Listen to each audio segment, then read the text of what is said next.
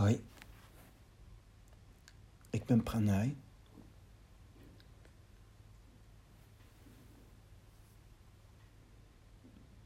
Ik wil nog eventjes uh, iets verder uitdiepen. Hoofdstuk 68 van Lao Tse in de vertaling van Christopher Schipper staat. Zo is men de metgezel van de hemel. Een metgezel zijn van de hemel. Christopher zelf haalt dikwijls een stukje uit Twanse aan als extra informatie. En nu wil ik dat ook eens doen. Ik haal dan een ander stuk aan van Twanse, ook in de vertaling van Christopher Schipper. Hoofdstuk 2, bladzijde 62 en ook eerst nog 61 um, staat een heel mooi stuk.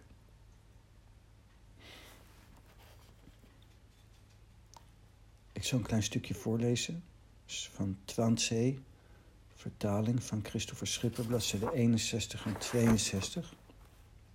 Daar staat: Je geest vermoeien met alles te verenigen, zonder te beseffen dat alles op hetzelfde neerkomt. Dat noemen we s'morgens drie. En wat betekent s'morgens drie? Een apenfokker die noten uitdeelde, zei: Jullie krijgen er s'morgens drie en s'avonds vier. De apen waren allemaal woedend. Toen zei hij: Goed dan, dan maar s'morgens vier en s'avonds drie. En de apen waren allemaal blij. De volledige overeenstemming tussen namen en dingen bleef intact. En toch was er zowel blijdschap als woede. De manier van doen kwam ook voort uit het jezelf als uitgangspunt nemen. De heilige mens brengt overeenstemming tussen zo en niet zo door zich te berusten op het hemelse evenwicht. Dat, kun je zeggen, is de zaak van twee kanten laten zien. Van twee kanten zien. Is een heel mooi stuk.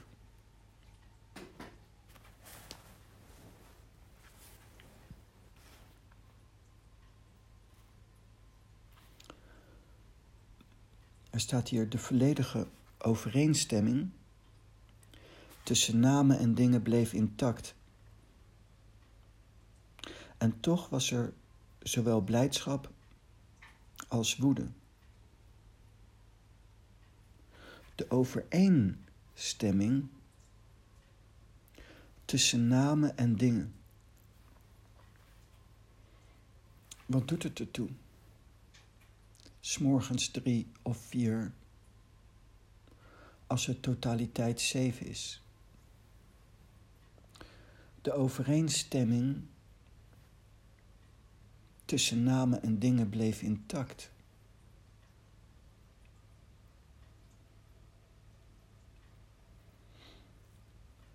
Ik heb wel eens het animisme aangehaald. Alles, alles is bezield, alles is God. In Twanse staat ook gerefereerd aan een paard. Je zou net zo goed alles paard kunnen noemen. In wezenlijkheid is alles hetzelfde en alles één. Ook, ook andersom, het is ook een droomwereld. Maya. Het is een illusie. Veel yogis, wijzen, zieners, heiligen hebben wel eens gezegd: als je doodgaat, is het net als dat je wakker wordt. Je wordt wakker en denkt: ach, Het was maar een droom.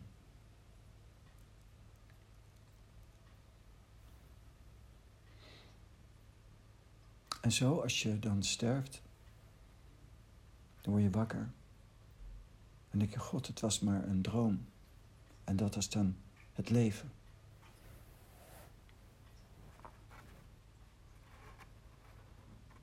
Hoe komt het dat uh, sommige mensen goed als goed zien en slecht als slecht? En bij goed heel blij zijn en bij slecht heel verdrietig?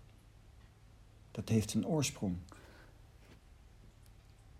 Sowieso is het dan niet een metgezel van de hemel zijn. In Twansee staat: Deze manier van doen kwam ook voort uit het jezelf als uitgangspunt nemen. Jezelf als uitgangspunt nemen.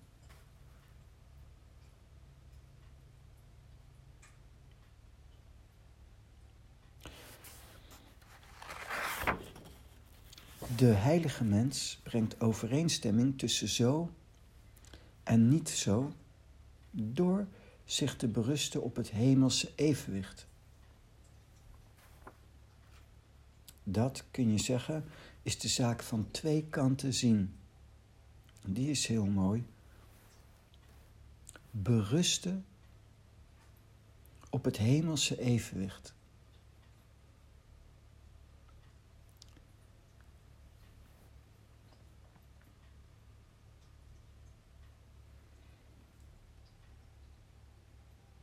De zaak van twee kanten zien. Daar heeft eh, Christopher een uh, voetnoot bij gezet. Hij zegt, dat wil zeggen, hij kiest niet, maar laat alles door de natuurlijke orde beslissen. Berusten op het hemelse evenwicht. Hij laat alles door de natuurlijke orde beslissen.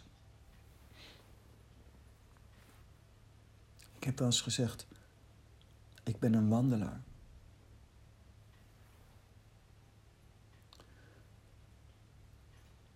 Bij de Zentaro van Osho heb je een kaart. Moment to moment. Het werkt als volgt. Ik adem. En ik adem en ik maak, beoefen mezelf om een holle buis te zijn. Prana alignment. En ook symmetrisch. Egaal open zodat prana in mij kan stromen. Dan, als prana in je geboren is, dan kijk ik elk moment, ben ik wakker, alert, met aandacht. En dan hebben we dus een interactie tussen mij, prana en de wereld.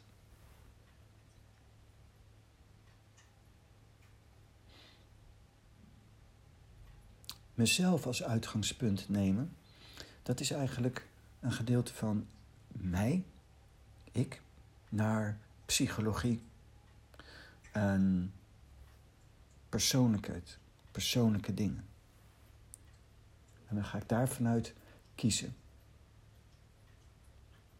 Dan worden we boos. En dan is het ook een warboel, negatieve vorm van warboel. Er is ook een ander iets. Jij en prana. Prana bloeit soms op. En prana, die trekt zich soms terug. Wordt minder. Dan, dan is het zo dat dat, zo spreekt God ook.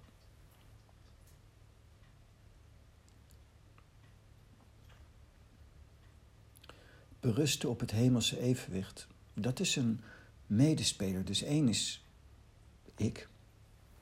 Twee, prana. Maar ook hemels evenwicht. Alle componenten. Alle componenten in de wereld.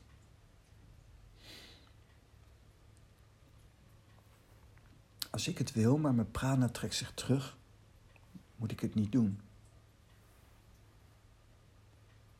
Eén. Twee, als prana toeneemt en ik ben ergens mee bezig, dan is dat ook op een specifiek moment. Ik heb dat wel eens eerder aangehaald.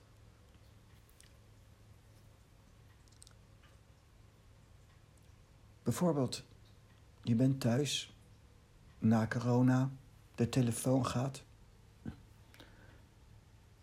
Een vriend of vriendin A belt op. Die zegt: Ga je mee vanavond naar een specifieke film? En je voelt intern energie terugtrekken. Dus niet persoonlijk. Als je jezelf altijd als uitgangspunt neemt, neem je ook alles heel erg persoonlijk op. Maar de energie trekt zich terug, dus je zegt nee. Vijf minuten later belt vriend, vriendin B. Met dezelfde vraag. En dan is alles oké. Dan zeg je ja. Je komt s'avonds bij de bioscoop en je ziet ook de eerste vriend, vriendin die belde, waar je nee tegen zei, die ziet je staan bij diezelfde film en je hebt ruzie. Maar als we massaal niet onszelf constant als uitgangspunt nemen, is het eigenlijk ook heel makkelijk te begrijpen. Er is veel meer aan de hand dan persoonlijke voorkeur en afkeer.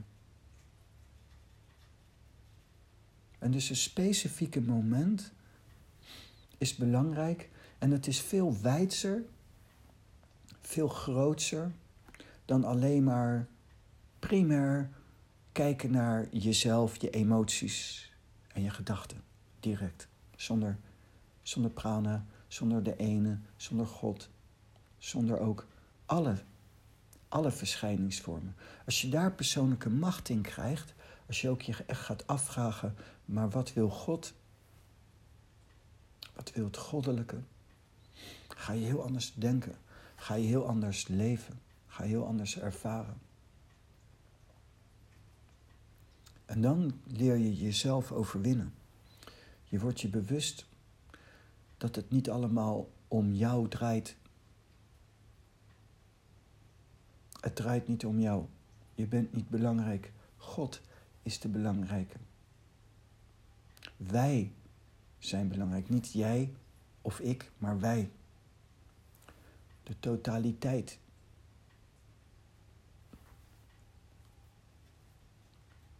En je wordt pas vrediger en de wereld wordt pas vrediger. Als we als een eenheid gaan denken.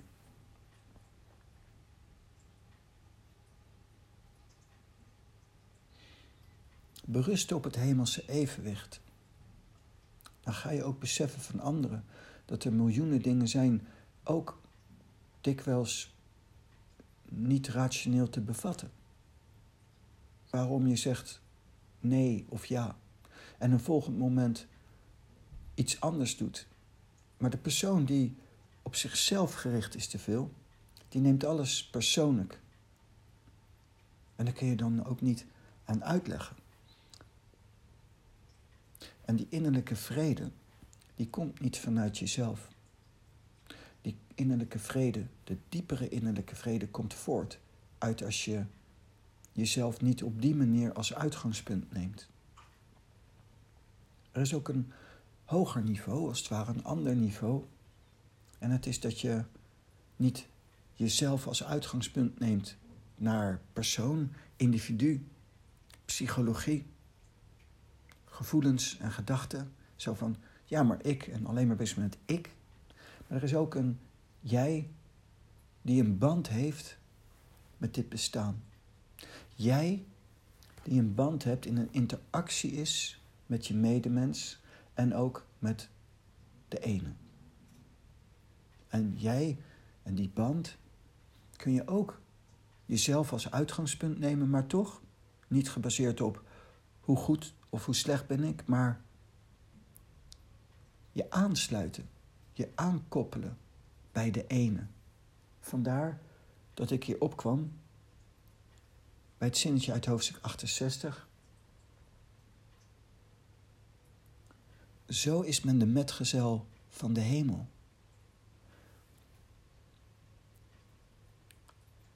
Dat word je dus spontaan als je, zoals dan in Twansee staat, de zaak van twee kanten kan zien. Niet alleen persoonlijk, maar ook persoon naar de hemel. Persoon naar de totaliteit. Dan krijg je ook begrip. Mensen leven en ook onbewust, mensen die onbewust leven, die hebben een bepaalde ingeving en zeggen dan ene moment nee en het andere moment ja. En dan kun je ook bewust doen dus, berusten op het hemelse evenwicht. Er is een specifiek moment. En dan denk je, bijvoorbeeld waar heel veel mensen mee bezig zijn, relatie. Ja, ik wil een relatie. Of nee, ik wil geen relatie. Laten we zeggen, ja, ik wil een relatie. Terwijl de persoon net een maand tevoren zei, heel stellig zei tegen iemand nee. Dan is diegene van een maand ervoor, net als met de film, beledigd. En dan trekt hij het op zichzelf, dan kom je er niet uit. Je kunt het alleen vatten als je metgezel van de hemel wordt. En ook gelooft in goddelijk en berust op hemels evenwicht.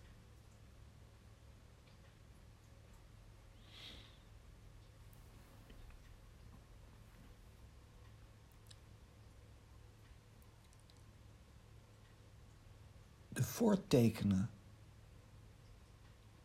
die altijd aanwezig zijn, de voortekenen waarmee je de toekomst kunt zien, kun je alleen dan juist interpreteren als je jezelf op een bepaalde manier overwint. Als je jezelf niet overwint, niet gewend bent, niet jezelf als uitgangspunt te nemen, maar het goddelijke, dan heb je gewoon te weinig persoonlijke kracht. En dan zul je alleen zien wat je beoogt, maar niet de realiteit. Dus om het voortekenen te kunnen lezen, heb je persoonlijke kracht nodig om voorbij jezelf veel meer je te beoefenen. Om ons te zien in deze wereld. Wij, niet ik, maar wij.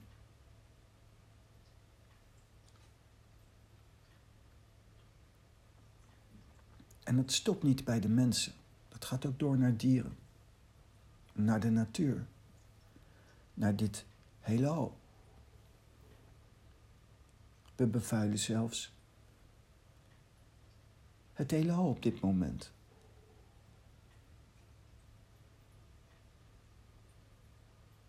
Ik, ik, ik. Dat komt uit ik-bewustzijn. En daarvoor denken we, denken ons te verrijken.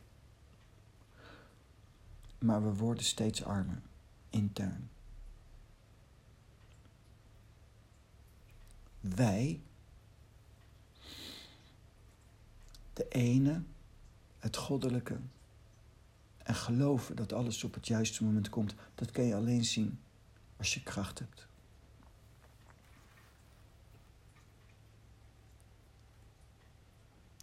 Dan gaat het hoofdstuk bij Twantse nog verder, bladzijde 62. Onder hen waren er die meenden dat daar waar de dingen nog niet begonnen waren te zijn, dat dat het allerhoogste was, het uiterste, waar niets aan kon worden toegevoegd. Het volgende stadium was volgens hen dat waar er, waar er wel al dingen waren, maar ze nog niet gedefinieerd waren.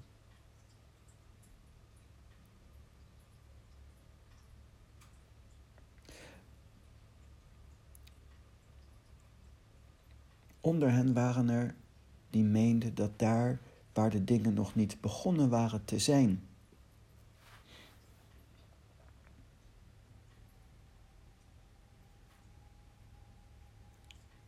Christopher zegt dat dat een technische term is in het filosofisch systeem van Twanshe, die de staat van de kosmos voor de schepping in zijn oorspronkelijke toestand van oerchaos beschrijft.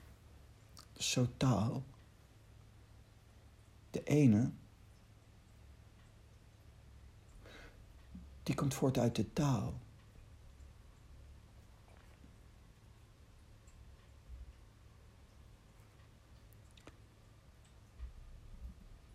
En dat dat het Allerhoogste was.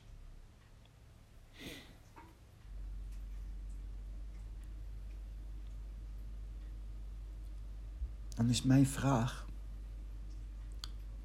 Heel veel mensen die bezig zijn in de spiritualiteit zijn zo geobsedeerd van verlichting, een Boeddha zijn. Wanneer ben je verlicht? Ben je verlicht als je bewust bent? Of ben je verlicht als je opgaat in die oergaals? Als je opgaat in die oergaals, wie is er dan verlicht? Ik denk dat een Boeddha zijn niet inhoudt eigenlijk dat je per se verlicht bent.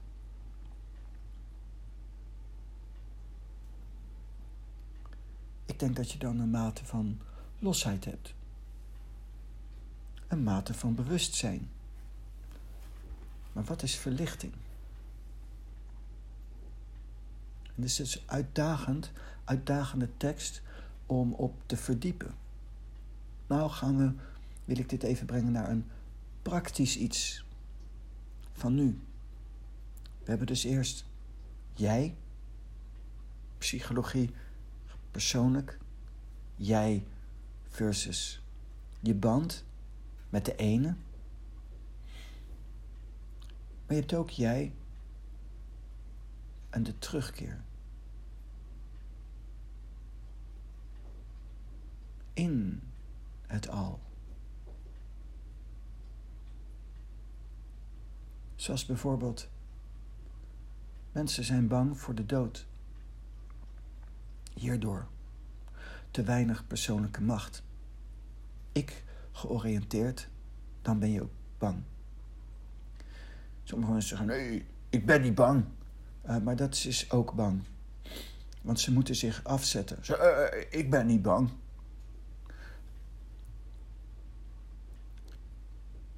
Het is niet een keuze om wel of niet bang te zijn. Het is een kwestie van persoonlijke kracht. Op basis van oefenen. Of je wel of niet bang bent. Heel veel mensen gaan anders om met angst. Sommigen onderdrukken het totaal. Die zeggen: Ik voel echt niks. Maar het zit er wel. De persoonlijke macht bepaalt het. Bijvoorbeeld op momenten dat je echt denkt dat je doodgaat. Momenten dat je denkt dat je ziek bent dat het echt heel erg tegen zit. Faillissement, corona op dit moment bijvoorbeeld. Het volk op dit moment raakt onrustig. Door te weinig persoonlijke macht. Door ik, ik, ik.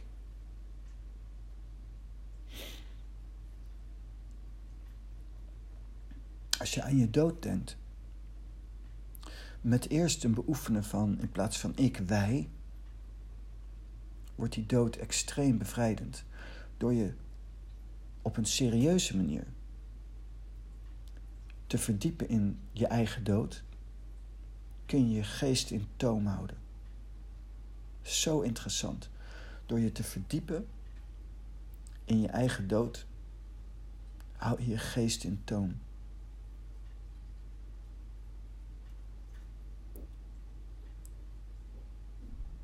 Het is een soort prullenbak, zwart gat. Je kunt het niet bevatten.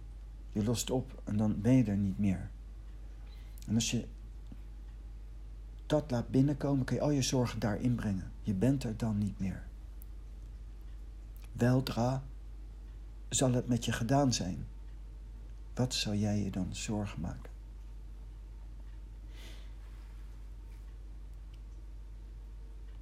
Daarom staat er, de kennis van de mensen in de oudheid ging daar echter ver bovenuit, boven de zaak van twee kanten zien.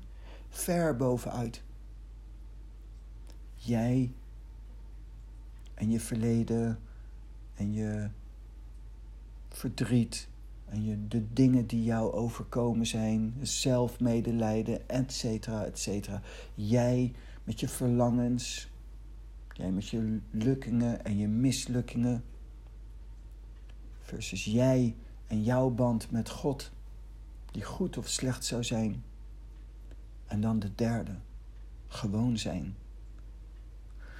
Dat je oplost, er is geen winst, er is geen verlies, er is geen leven en er is geen dood.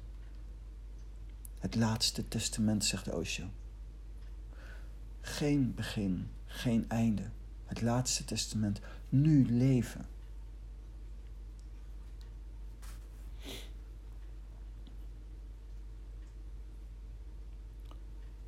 Daarom staat er in Twansee, daarop kwam de fase dat ze wel al gedefinieerd waren, maar er nog geen verschil werd gemaakt tussen wel en niet. De manifestatie van wel en niet was, was hetgeen waardoor de touw te gronden werd gericht. Dat is voor mij hetzelfde als de boom van kennis van goed en kwaad. Wel, niet. En dan is de dualiteit. Dan is de oordeel. Dan is de taal te gronden. Eenheid. Daarom ben ik van overtuigd dat de oplossing is een multiculturele samenleving. In de vorm, uiterlijk, is de een dom en de ander slim. De een is blank, de ander is zwart. Dat is niet fascistisch discrimineren dat zwart niet goed is, maar er zijn mensen die hebben een zwarte huid. Maar dat zijn ze niet minder om, daar zijn ze niet meer om, doordat iedereen zo op ik gericht is, is er ook een obsessie ontstaan, bijvoorbeeld op discriminatie.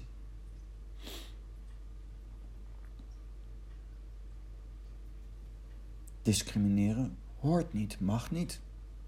Maar kun je niet uitbannen vanuit dat het er niet mag zijn in de zin van negatieve vormen van discriminatie. Discriminatie is ook onderscheiding maken. Er zijn mensen zwart, er zijn mensen blank. Er zijn Marokkanen, er zijn Turken, er zijn Nederlanders. Maar doordat we zo weinig macht hebben, omdat we zo op ons ik gefixeerd zijn, horen we gelijk negativiteit. Horen we gelijk veroordeling multiculturele samenleving houdt in dat iedereen zichzelf mag zijn. Een start die begonnen is met homo, met lesbisch, met transgenders. Zo ook vrijheid van godsdienst en verder nog vrijheid van meningsuiting. Vrijheid van zijn. In, die kan alleen maar plaatsvinden in verbonden zijn in één zijn. Iedereen is uniek. Net als iedereen. Iedereen is uniek. Dat is weer een stap verder. Geen wel, geen niet.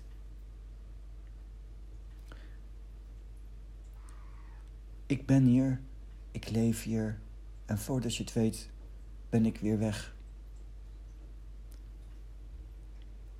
In een sober van zijn, in een nederig van zijn. Maakt ook dat dus niks van mij is. Ik ben hier heel kort.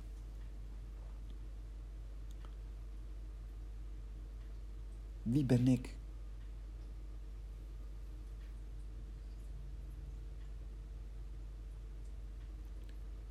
Ooit een stukje geschreven.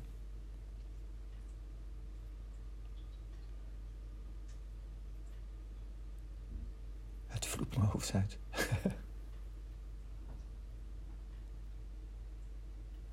ik heb geen naam. Naakt ben ik niet zichtbaar. Zo ben ik eeuwig vrij.